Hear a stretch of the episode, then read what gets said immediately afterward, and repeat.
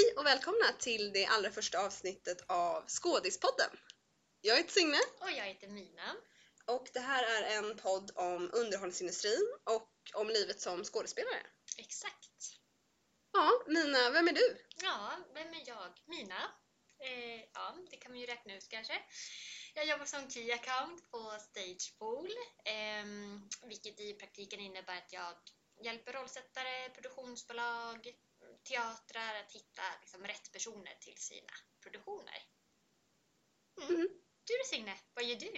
Eh, Det är också en väldigt bra fråga. Eh, Jag jobbar ju också på Stagepool, det var ju så vi träffades.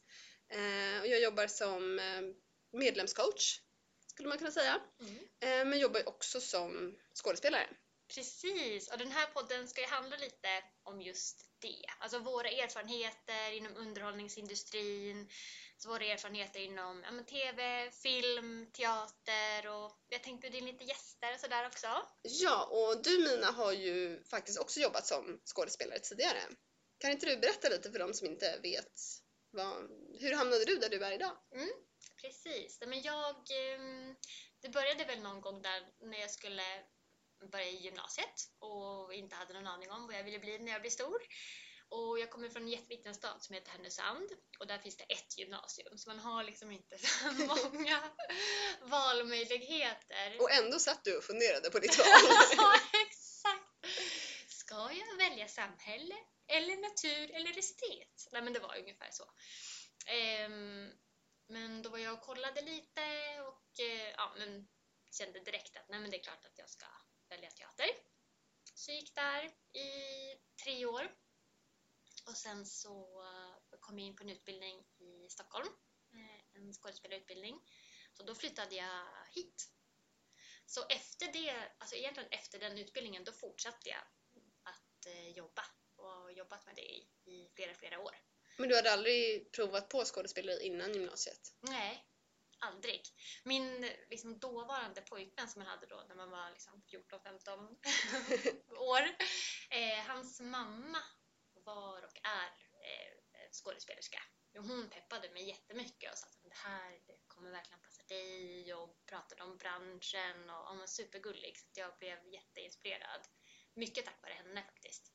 Det här är ju väldigt kul för, eh, för de som lyssnar nu eftersom eh, du och jag känner inte varandra så bra än. Nej. Ehm, vi har ju faktiskt bara känt varandra i några månader så att vi får ju lära känna varandra lite under poddens gång också. Exakt. Det här är ju inga historier som jag har hört. Nej. Eh, men vad roligt, men då flyttade du till Stockholm och har Mm. sen jobbat med vad då?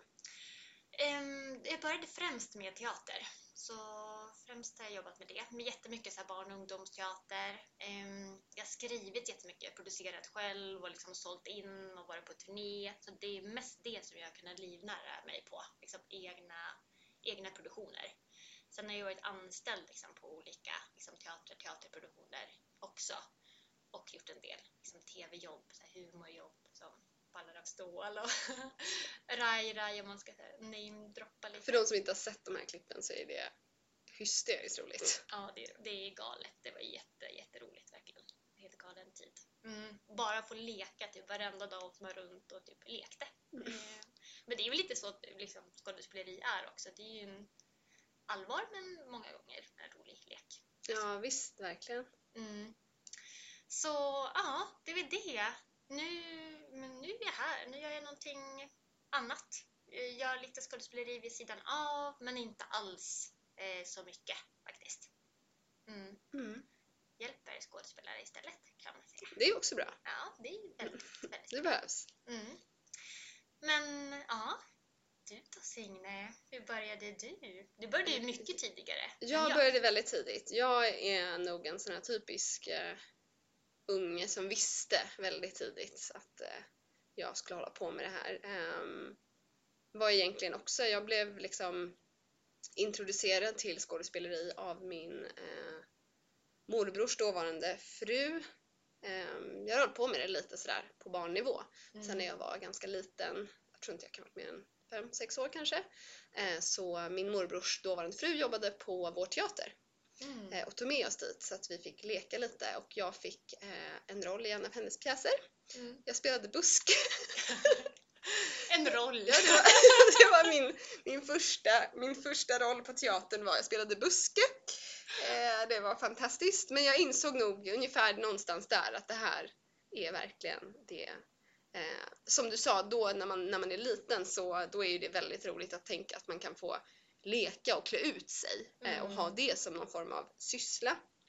Eh, men sen så började jag hålla på med teater och sång och dans och testade lite olika aktiviteter sådär som de flesta barn gör om man har möjlighet. Eh, men insåg väl ganska snabbt att eh, skådespeleri var det som jag faktiskt hade någon form av talang för. Mm. Eller det var i alla fall vad folk sa till mig. Eh, Så jag slutade ju liksom med fotboll och alla de här typerna av sakerna som jag absolut inte hade någon talang inom. Nej. Och började hålla på med det och, och så. Så när jag var åtta någonstans så började jag ta liksom, teaterlektioner på den lokala kulturskolan Mm. och pyssla lite med det. Och ehm, ja, det finns hur mycket som helst att säga om det men jag började också på estetgymnasium eh, sen när jag eh, kom upp i den åldern och eh, gick på Viktor Rydbergs gymnasium i Stockholm. Mm. Jarlaplan, ett fantastiskt gymnasium eh, tycker jag. Eh, verkligen en otrolig utbildning och eh, en otrolig tid. Och har liksom sedan dess fortsatt egentligen med skådespeleri. Jag flyttade till Los Angeles efter jag gick ut gymnasiet och gick på college där och, och tog eh, skådespelarlektioner eh, i Los Angeles. Och sen eh, ja, har, har det varit lite flängande. Jag har bott i Los Angeles och i London och är nu tillbaka i Stockholm Mm. eh, och jobbar här. Men har du aldrig haft så här, att du har stått i valet och kvalet här, okej nu, jag vill bli skådespelare eller nej, jag vill bli brandsoldat? Eh, inte just brandsoldat. Eh, jag hade en period när jag var väldigt liten när jag ville bli grävskopechaufför. Ja. det, var, det var väldigt specifikt. Eh, nej, jag har aldrig stått i valet och kvalet om det är det här jag vill jobba med. Eh, sen tror jag att det är många skådespelare som känner igen sig att man ifrågasätter ju varje dag om det är värt det. Mm. Så den, liksom det vägskälet står jag ju i regelbundet. Ja. Verkligen.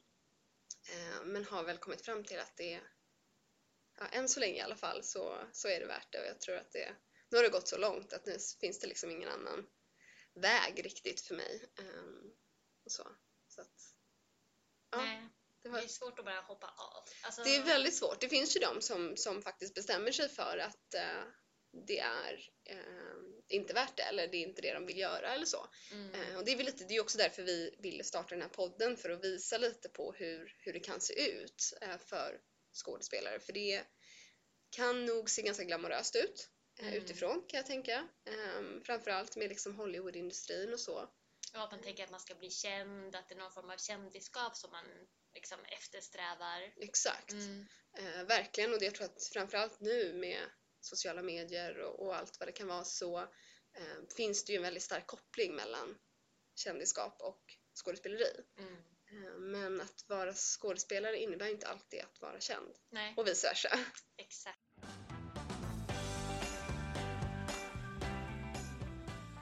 Ja, jag har nog fortfarande någon liksom, dröm. Alltså jag har nog inte sagt till mig själv att men nu slutar jag jobba som skådespelare och göra någonting annat. Utan det är nog Mm. snarare att det har liksom långsamt blivit mindre och mindre av det och att andra har tagit över mer och mer och då befinner jag mig här just nu.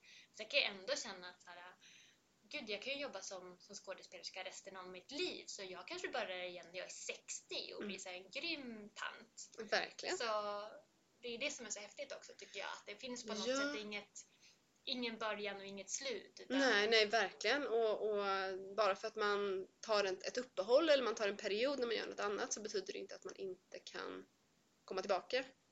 Eh, och jag tror att det där är en väldig, eh, ett väldigt dilemma som många möter. Det här att får jag kalla mig en skådespelare fast att jag inte jobbar med det just nu? Mm. Jag tänker att det kanske du möter en del, att liksom om folk frågar om du är skådis så Mm. finns det kanske inget rakt svar på den. Nej, precis. Dels det, när man har jobbat som det i så pass många år och inte gör det längre, så kan jag säga att jag är det nu eller inte. Och sen minns jag så jäkla tydligt där i början, när jag började jobba som skådespelerska, när är det okej att jag säger att jag är skådespelerska eller jag jobbar som skådespelerska? Och när började du säga det då?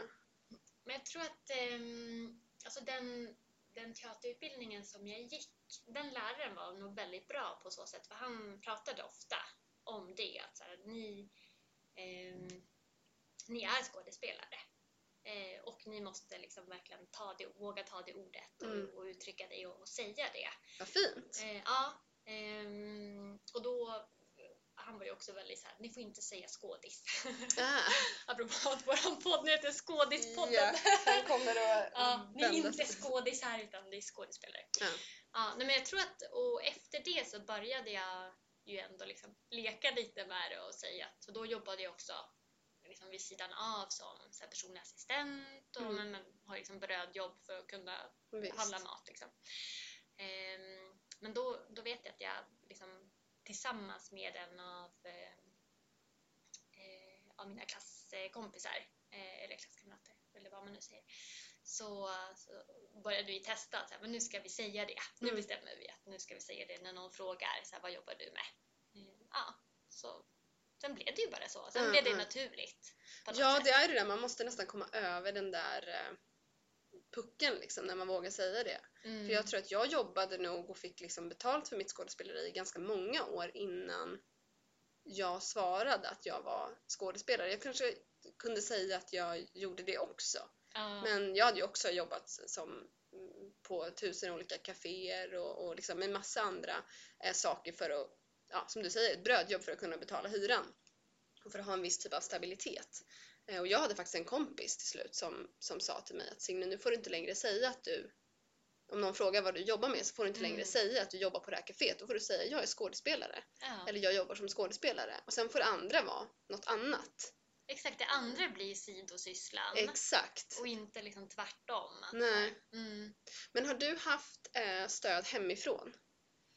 Ehm, ja, men det har jag. Absolut. Ehm, alltså inte att jag kommer ifrån en så konstnärlig familj alltså överhuvudtaget. Verkligen inte. Men min mamma har nog alltid stöttat mig så som hon kan. Ja. så har jag ändå tyckt att det är, ja, jag får göra, göra vad jag vill och mm, Mm. sådär.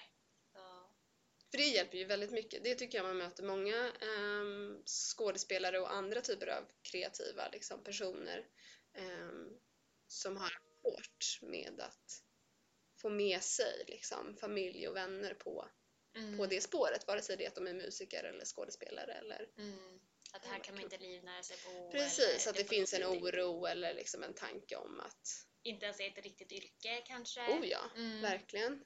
För det är ju så, man kan inte bara studera sig till det och sen är det klart och så får man jobb. Nej, verkligen. Så det är ju, det är, jag kan tänka mig att det är det som många föräldrar eller anhöriga kanske tänker också att det är jäkligt tufft och hur Mm, ska mm. du försörja dig och hur ska det gå? Ja. Verkligen, och jag tänker att, att det som, som många frågar om är ju mycket, ehm, det kanske inte nödvändigtvis är familj, men, men jag tänker folk runt omkring som frågar, när man säger att man är skådespelare så frågar de okej, eh, och vad är din plan B?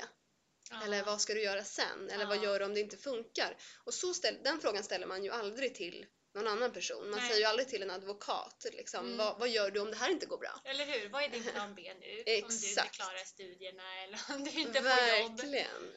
Ehm, Så det är, ju, det är ju verkligen en sån där ehm, grej som skådespelare möter mycket, tror jag. Mm. Och, och säkert som sagt många andra kreativa eh, yrkespersoner också. Mm. Ja men verkligen.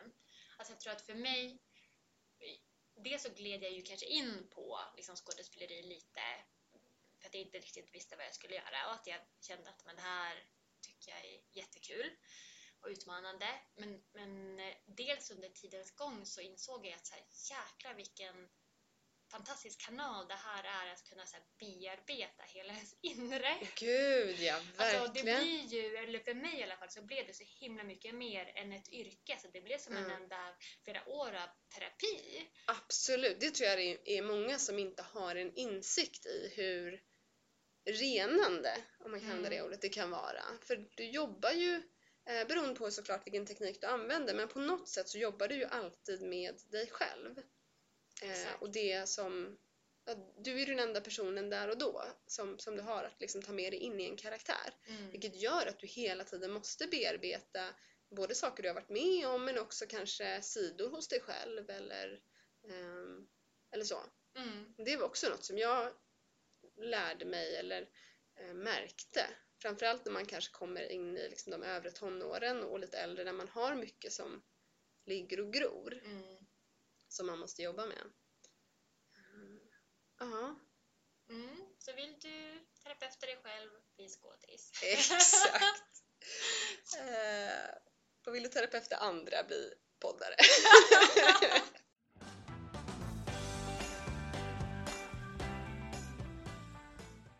Vi har väl också tänkt prata lite om hur vardagen kan se ut Mm. så här när man, ehm, när man är skådespelare och en massa andra saker. Exakt. Du är ju till exempel mamma också. Ja, det är jag ju. Mm. Ja, till en sju och ett halvt åring. Mm. Och det var ju någonting, alltså, när jag blev gravid då jobbade jag ju heltid eh, som skådespelerska. Och det blev ju ganska problematiskt. Alltså det är ju Mm. svårt, man får ju inga roller när liksom, man börjar se en gravid mage. Nej. Eh, och just så spelade jag också i en, en pjäs där jag ska spela en tonårstjej. Ja, då behöver det nästan vara en del av karaktären om du ska Precis. ta med dig det in. Precis. Så det fick jag ju också eh, hoppa av. Mm. Men, eh, men sen så jobbade jag som, som liksom teaterproducent in i det sista. Så jag hade ju verkligen tänkt att här, samma dag som min son eh, föddes så hade jag planerat att åka till Dalarna och hålla i en liksom, teaterworkshop på, efter en föreställning. Perfekt. så, men ja, så livet förändrades ju lite Ja, efter det. Det blir inte lika lätt att turnera och nej. liksom, Framförallt inom eh, skådespeleriet så är det ju, eller det kan vara, mycket resande. mm, Eh, och ganska mycket, ska man inte sticka under stol med, det kan vara ganska mycket finansiell osäkerhet. ja, Eftersom du gud inte ja. har en jobbgaranti. Ehm, och det, det påverkar ju många delar av ens liv. Mm, Eh, och är också något som jag kan tänka kanske är, inte passar alla. mm, Att man har den typen av osäkerhet. Att man inte vet, eh, kanske ens eh, från dag till dag, var Nej. ens arbetsplats kommer vara. mm, Eller nästa månad om man kommer ha eh, en arbetsplats att gå till. mm. Och jag tänker att det är därför som det är så vanligt också att skådespelare har andra jobb för att man eh, som vuxen, liksom självförsörjande person behöver eh, någon form av stabilitet Mm. oftast. Och veta att de här pengarna får jag åtminstone in varje månad. Exakt. Och det är ju liksom minimum och då Mm. kan jag verkligen helt och fullt fokusera på mitt skådespeleri utöver det. Exakt. Mm. Och det är ju väldigt svårt. Där ska man ju faktiskt också vara lite planerande och också ha lite tur för du ska ju också kunna hitta ett, ett jobb som du kan kombinera med eh, inspelningar. Ja, som är så pass flexibelt att jag från den ena dagen till den andra kan säga att nej men jag behöver gå bort de här två timmarna för jag ska på en Exakt. casting eller Ja. jag behöver vara ledig för jag fick det här jobbet. Exakt, och det är ju verkligen inte av, av förklarliga skäl inte alla arbetsgivare som kan vara tillmötesgående i det. Nej. Vilket jag också tror eh, skulle kunna vara varför många skådespelare jobbar på till exempel på restaurang och café och sådär där man har kollegor som förhoppningsvis kan täcka upp för en om man Mm. behöver vara borta. Det är ju väldigt mycket svårare att vara liksom chef på ett stort företag Mm. eh, och springa på auditions och inspelningar och så vidare. Eh, Så det finns ju vissa yrken som i min erfarenhet i alla fall verkar vara återkommande hos skådespelare Ja, precis. som, som sidojobb. Mm. Vet, för jag jobbade jättemycket, men det är ju ändå också skådespeleri, men jag körde jättemycket så här, mordgåtor. Mm. Och då är det ju också i princip bara så här, kväll eller helg eller kanske ibland att man körde någon, någon lunch. Men då vet jag, då var det också jätteenkelt att kunna byta pass med andra för att alla jobbade ju, de flesta jobbade inom branschen också. Mm. Så man kunde ganska lätt liksom bara byta med någon annan eller så hann man liksom filma eller eh, köra någon föreställning eh, om man jobbar med barnteater till exempel under dagen och sen körde man en mordgåta på kvällen. Det vet jag, det tyckte jag var jättebra. Ja, och det är ju fantastiskt om man kan hitta ett jobb vid sidan av som också är eh, kreativt.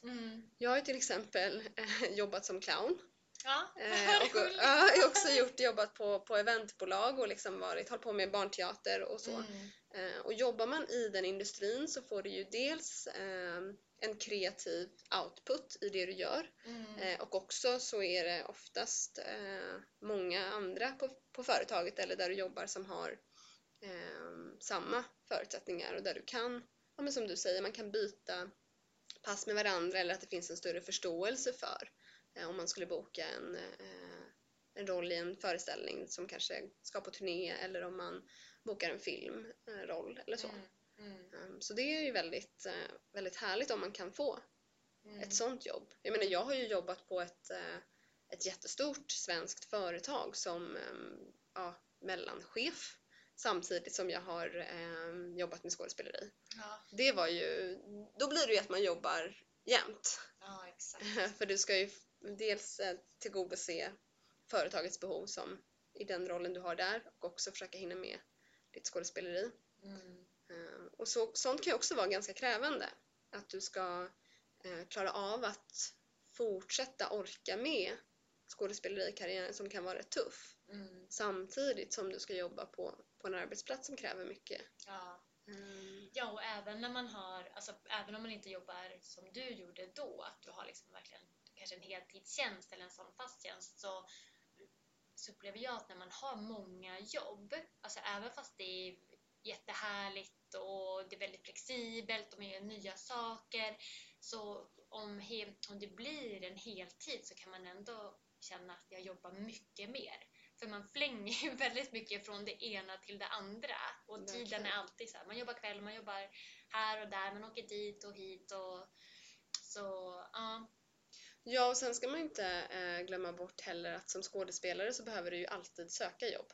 Mm, Naturligtvis så finns det olika nivåer av, av att arbeta som skådespelare men för de flesta som eh, jobbar med det så behöver du faktiskt fortfarande själv söka jobb. ja. Och det är ju också tidskrävande Mm, eh, och kan ta lite på liksom kanske på självförtroendet, på humöret, på energin. Mm. Att varje dag så måste du in och ja, man är Hoppas konstant jobbsökande. mm. Mm, Och det är ju något som, som eh, de flesta personer som inte jobbar som skådespelare kanske bävar för, att söka jobb. Det är ju eh, ingenting man... För det mesta, de flesta tror inte jag tycker att det är en jätterolig process. mm, Och det är ju något som skådespelare behöver vänja sig vid, att alltid ja. söka jobb. Gud, nu låter det som att allt är jättenegativt. det är jättenegativt när jag var Bli skådespelare. inte skådespelare så att det är tufft va? Nej, men, Det är faktiskt, jag fick ju det som, ehm, som mitt första råd. Att, Ja. eh, när jag frågade ehm, en person i min närhet när jag var barn hur jag skulle, hur jag skulle göra om jag ville bli skådespelare. mm. Det här var så när jag var åt- åtta kanske. Och hennes svar var bli inte skådespelare.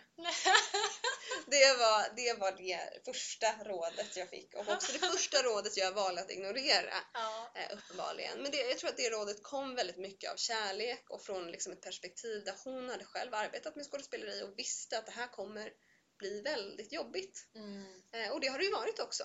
Ja. Eh, absolut. Det är ju jättefullt av ups and downs och tvivel och, och så. Mm. Men eh, belöningen man får när man, när man väl jobbar är ju eh, för min del värt allt slit. Ja. Och det ska man ju faktiskt komma ihåg också. Eh, Men det är också ett råd som jag har hört många eh, skådespelarcoacher och alla möjliga industrifolk ge till skådespelare. Att kan du tänka dig att göra någonting annat i hela världen, om det finns något annat yrke som lockar dig, Mm. också gör det. ja. För att det är tufft. Ja. Det är jättesvårt. Ja. ja, men det förstår jag. Men jag tror att för de flesta, eller så var det i alla fall för mig, att det fanns inget annat. Nej. Alltså det fanns, jag vet inte hur många gånger jag suttit och verkligen försökt att men nu ska jag försöka komma på någonting annat som jag känner samma passion för. Mm. Och bara göra det istället för att man sitter där och har fått ännu ett nej på en casting Mm. eller liksom bara nej, jag orkar inte mer. Så nu, nu blir jag jurist. Eh, som Det mamma det. ville från början. Exakt, exakt. Men det, det kommer inte, infinner sig inte den, den känslan. Nej, och jag menar jag har fått den frågan också av folk mycket under åren. Eh, Inte av eh, folk, men av, av vänner, eh, partners, familjemedlemmar som har sett hur svårt det har varit och sagt att vill du fortfarande det här? Är det fortfarande värt det? Är det fortfarande det här som du ser som, som den enda vägen? Och jag har också suttit precis som du och verkligen Mm. tänkt kring alla yrken. Finns det något annat jag vill göra? Och det, gör inte det och jag har ändå hållit på med det här nu i över halva mitt liv Ja. eh, och fortfarande liksom inte hittat något annat som jag brinner för på det sättet. Nej. Och heller inget annat som ger mig den tillfredsställelsen tror jag när jag väl jobbar. För det Mm. behövs ju också den där, man behöver ju få jobb ibland för att påminna sig själv om varför man gör det. Ja. Jag tror att skulle man gå år efter år efter år och inte boka ett jobb så skulle man kanske glömma bort vad det är som lockar en. Mm. Men när man väl får den där enda inspelningsdagen eller Ja. den där lilla, lilla rollen i någonting så eh, blir man ju påmind om Mm. eh, varför man gör det. Gud ja, verkligen.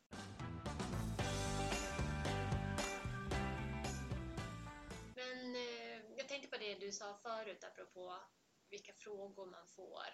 Alltså många skådespelare kan få en fråga så här, men vad, vad känner jag igen dig ifrån? Eller vad, vad, vad är du med i? Ja, det är ju den första säger- frågan man ja. får. Det är ju alltid, har jag sett dig i någonting? Ja, exakt. Har jag sett dig i någonting? Eller vad har jag sett dig Just det, i? den också. Mm. Kan, kan vi etablera nu, once and for all, den frågan måste bort. Ja. Den frågan ställer vi inte längre till en enda skådespelare. Nej.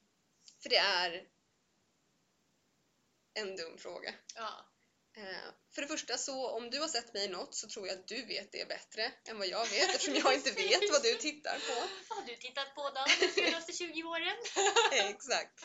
Eh, Det, det finns inga bra svar på den frågan och det leder inte till någon produktiv konversation. Nej. Och det är också ett sånt antagande på något sätt att alla skådespelare ska på något sätt medverka i någonting som är liksom synligt på TV eller film. Det är det som de Exakt. refererar till. Ja, Att så här, visst. vad har jag sett i? Då tänker man inte så här, ja men jag spelade i em, den här ungdomspjäsen i Rågsved. Var du kollade på den?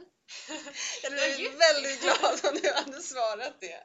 Ja, det är väl kanske så man får börja Ja, man kanske får börja dumförklara tillbaka lite. Ja. Eh, För det är ju också den, ehm, det är just det här antagandet att för att vara skådespelare så behöver du vara känd för den stora massan. ja. Känd och igenkänd, det är det som... Exakt. Då kan vi sätta den här. Stämpeln, då Ja. får man kalla sig för skådis. Mm. Och där kommer ju igen det här dilemmat. Får jag kalla mig för skådis fast det är ingen som vet vad jag har varit med i eller ingen har sett det jag har varit med i? Precis. Ehm, jag tycker ju att jag får det. Ja, det tycker jag med. Jag tycker att du får kalla dig för skådis också Mina. Ehm, nej men för det ehm, är ju också så att det finns väldigt, väldigt, väldigt många skådespelare som försörjer sig helt på att arbeta som skådespelare. Mm. Har kanske försörjt sig i 20, 30, 40 år på det. Och det finns ingen som kan deras namn eller vet vem de är. Ja. Så det finns egentligen inte en riktig, ett samband mellan kändisskap och skådespeleri. Nej. Eh, tvärtom, för många skådespelare så är ju faktiskt, eh, till skillnad från vad man kan tro, så är ju kändisskapet en baksida av skådespeleriet för många. Mm. Det finns ju väldigt många skådespelare som eh, lider av sitt kändisskap. Mm. Framförallt skulle jag säga i Hollywood eller i industrier där det kommer med väldigt många andra negativa Ja. delar. ja, men precis. Bara för att man är skådespelare betyder inte att man är extrovert och vill liksom synas och höras överallt. Det är liksom inget, inget samband Nej. egentligen. Det finns ju skådespelare som har scenskräck till Ja, exempel. gud ja. Har du det? Nej. Du gillar att höras och synas. nej, nej, jag är nog ganska introvert egentligen som person. Har inte du märkt det? nej. jo, lite. Du är, li- Ja. du är lite mer tillbakadragen, Jag är, jag är nog ganska så förbehållsam och Ja. jag öppnar inte upp för alla människor. som jag. Så, ja. Och också, du vet, här, de gånger, jag vet inte om du har varit med om det någon gång, men när man är på, jag vet inte, en, fest eller något sammanhang eller någonting sånt och någon får för sig att säga så här, men du som är skådis, kan du inte säga något roligt? Eller kan inte du göra... Säga något roligt. Kan du dra ett skämt? Nej men alltså de, de frågorna, och man blir så här, bara, Åh nej. då skulle jag ju, ibland har jag liksom önskat så här, för är inte jag sån som person? Bara så här, Mm. åh, så avslappnad. Men där och- kommer vi till ett annat, eh, en annan fråga som handlar om det extroverta idealet. Mm, Det här om att det är, finns ett ideal kring att vara extrovert och att det på något vis skulle vara mer värdefullt eller bättre ja, än att vara introvert. ja, och många som önskar att de är extroverta och, och det gäller ju även skådespelare. Mm. Att kunna underhålla på något sätt på beställning. Men, alltså, Ja. men det här är ju också mitt yrke. Jag, jag kan underhålla på beställning men då Om du jag får betalt. och liksom förbereda mig. Exakt. Och liksom, ja. Jag är ju ganska, eh, eller väldigt extrovert i mitt beteendemönster skulle jag säga. mm. Eh, men är ju en otroligt introvert person, vilket jag nog inte alls uppfattas som. Nej, det gör eh, du inte. Nej, många uppfattar ju mig som väldigt extrovert för att jag Mm. är ganska, eh, jag gillar någonstans att synas och höras. Därav tror jag att jag blev skådis för att jag Mm. tycker om när folk tittar på mig. Mm. Eh, men är egentligen väldigt introvert. Så är jag i ett sammanhang eh, med mycket människor på en fest, eller framförallt de här fruktansvärda networking-eventen som man som skådis alltid hamnar på. Där man förväntas gå fram och bubbla och dela ut sitt CV och vara liksom. Ja, ja, allt ska vara så chill. Då vill jag hem. Mm. Och då går jag också ofta hem. Gör du det? Ja. Ja, det gör jag. Eh, För jag tycker då har jag ingen energi. Nej. Utan då hämtar jag min energi från eh, min ensamtid. Mm. Jättemycket. Så det tror jag är något som man, eh, man lever ihop med mig till exempel, Mm. så tror jag att man kanske uppfattar mig som mycket mer introvert eh, än vad man gör om man träffar mig i professionella sammanhang. Mm. Jag kan lägga till mig med en väldigt extrovert sida. Kommer jag in i ett castingrum så kan jag verkligen ta för mig Mm. eh, och hälsa på alla och vara den Mm. personen. Du kan slå på det när det behövs. Men, Mm. men menar, varför kan du då inte slå på det när du är i ett sånt networking-sammanhang då? Det är en jättebra fråga. Det Ja. tycker man att jag borde. Jag tror nog att jag kanske gör det mer än vad jag upplever själv. Mm. Jag tror att jag kanske, eh, jag går fram och hälsar och jag gör de här sakerna som man förväntas göra men jag dör lite inombords. Du, du går runt med ångest. Jättemycket ångest och sen går jag hem och, och gråter. Ja, jag fattar. Mm. Så det är nog mer att min energi liksom dräneras i sådana sammanhang. Och framförallt om det är eh, ett sammanhang som det är ofta på de här networking-eventen där det är väldigt många som ska ta plats. Mm. Är jag i ett rum där alla är lite tillbaka, liksom, lite introverta eller, eller så, Mm. då, eh, då kan jag ta jättemycket plats. Mm. Men är jag i ett sammanhang där alla tävlar om plats så, Ja, det ligger någon form av förväntan på Ja. att hur man ska vara eller att du måste leverera på något sätt. precis, då tror jag att jag, jag backar. Mm. Så du trivs med andra introverter så att du kan liksom steppa Ja, då kan jag, då kan jag steppa upp. Det är därför vi Det matchar. är därför vi har hamnat här, för du är introvert. Och, jag får, ja, men jag, och det är ju samma sak, ibland träffar man ju personer som är mycket mer tillbakadragna än jag. Eh, vilket gör att jag kan upplevas som väldigt rolig. Ja. Och det är jag inte helt van vid. Och det är ju fantastiskt att vara i ett sammanhang med folk som skrattar åt allting man säger och gör. ja, det är Eh, jättehärligt. det är underbart, det är nog därför många blir komiker. Jag är ju absolut inte komiker och stand-up är det absolut värsta jag vet. Ja. Eh, inte det värsta jag vet att titta på, jag älskar andra stand-up eh, komiker men jag själv har testat på det en halv gång och tyckte det var det läskigaste som finns. Ja. Men när man hamnar i ett sammanhang där alla råkar tycka att man är liksom fantastiskt rolig, Mm, då, då kan jag leva upp Mm. och leverera. Mm. Åh gud, jag har ju testat stand-up också. Hur gick det? Eh, fast jag tyckte att det var jättekul. Jätte, Skrattade jättekul. folk? Ja, de skrattade så de kissade på sig vill jag säga. Det dubbelkollade du efteråt.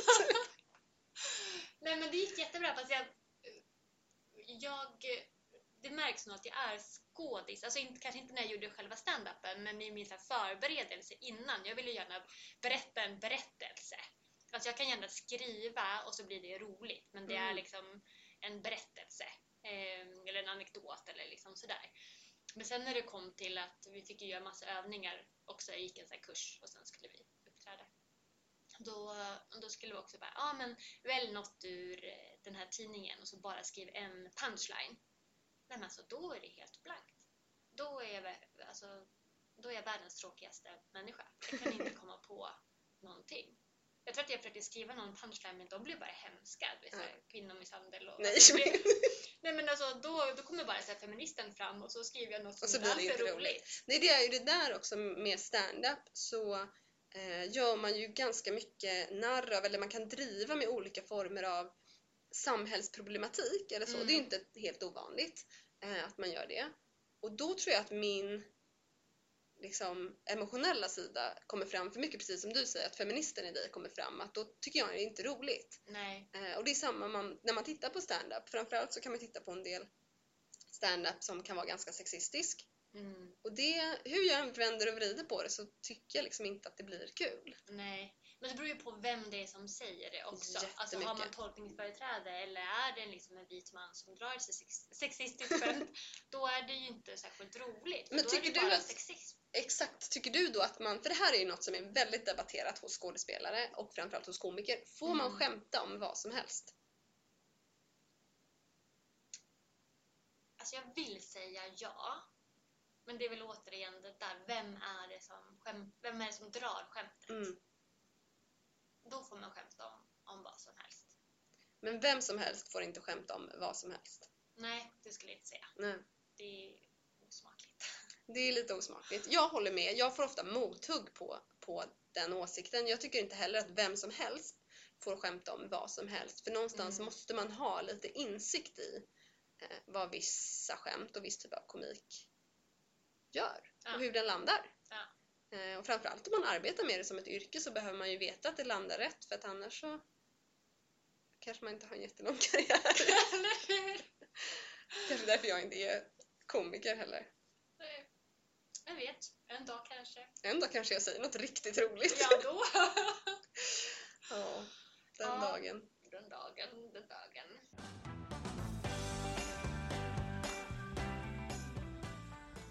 Men innan vi avslutar och rundar av så kanske vi ska nämna något om vad nästa avsnitt kommer handla om. För det har vi redan planerat. Det har vi och vi har varit inne lite grann på det redan eh, i det här avsnittet. Men nästa ska handla om vilka vägar man kan gå som skådespelare för att, vad man ska säga, lyckas. Nu gör jag så här situationstecken här, men det ser ju inte ni. Men eh, Nej men så är det väl lite, för nu har vi ju pratat ganska mycket om våra upplevelser och eh, våra liv. Mm, Så själviska är vi!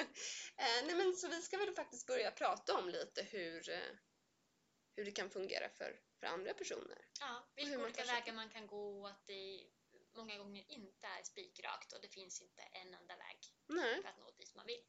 precis. Ja, Vi hörs igen eh, nästa vecka. det gör vi. Tack för att ni lyssnade. Hejdå! Hej!